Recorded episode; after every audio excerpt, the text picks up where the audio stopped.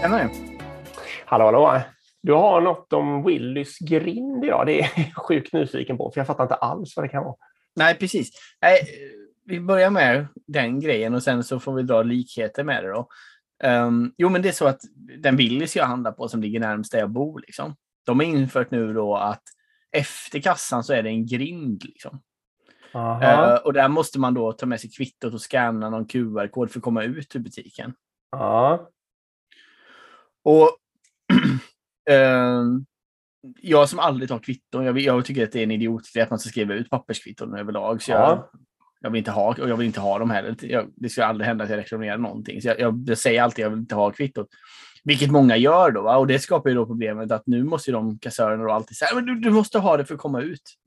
Så de får liksom stoppa mig halvvägs och så måste jag springa tillbaka och hämta kvittot för att scanna ja. den här QR-koden för att komma ut.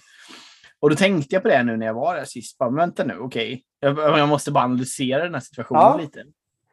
Och då, då är det så här då, okej, okay, anledningen varför de har skaffat det här är ju antagligen då för att liksom på något sätt stoppa de här 0,01 procenten som kan tänka sig att sno saker då. Att det är svårare helt enkelt att komma ut i butiken om du inte har betalat för du har inget kvitto och så det ska ah. du inte öppna grinden liksom.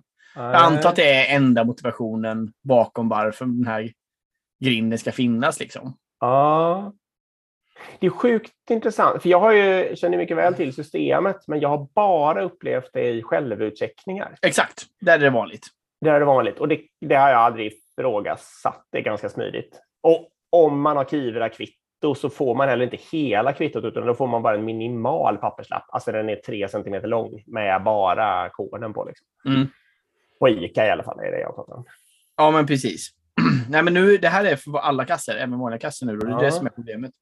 Och då tänker jag ju, ja men precis, det som är till poängen då, det som är själva problemet med det här, det är ju liksom att okej, okay, då tänker jag antagligen någon form av ledningar. Hur kan vi stoppa liksom då? De har antagit svinn på en viss procent liksom.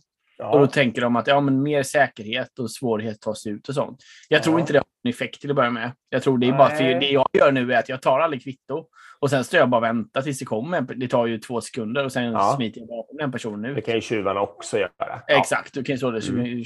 Så jag tror inte den har så mycket effekt. Men även om det skulle ha effekt så måste vi också tänka på vad är kostnaden på andra sidan. Ja. Jo, varenda kassör måste nu sitta och säga till alla som inte vill ha kvitto att jo, du måste ha kvittot för att ja. annars kommer du inte ut.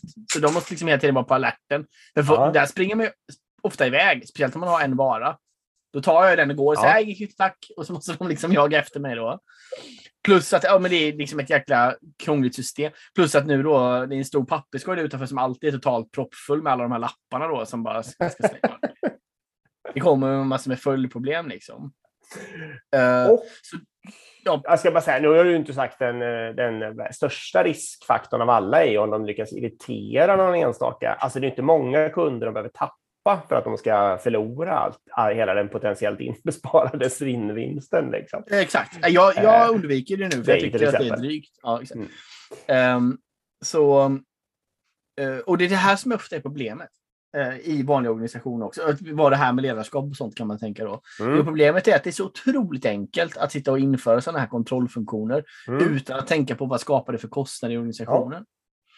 Det här skapar ju otroligt mycket kostnader. Det gör ja kunder irriterade. Det gör kassa, kassapersonal, lägger på massa administration på dem. Eh, det, ja, det kommer med massor med olika negativa effekter.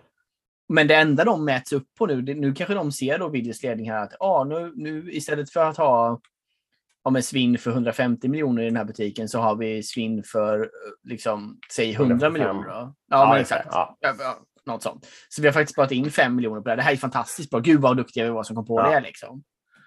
Och det är precis så här det är med alla typer av processer och kontroller i organisationer också.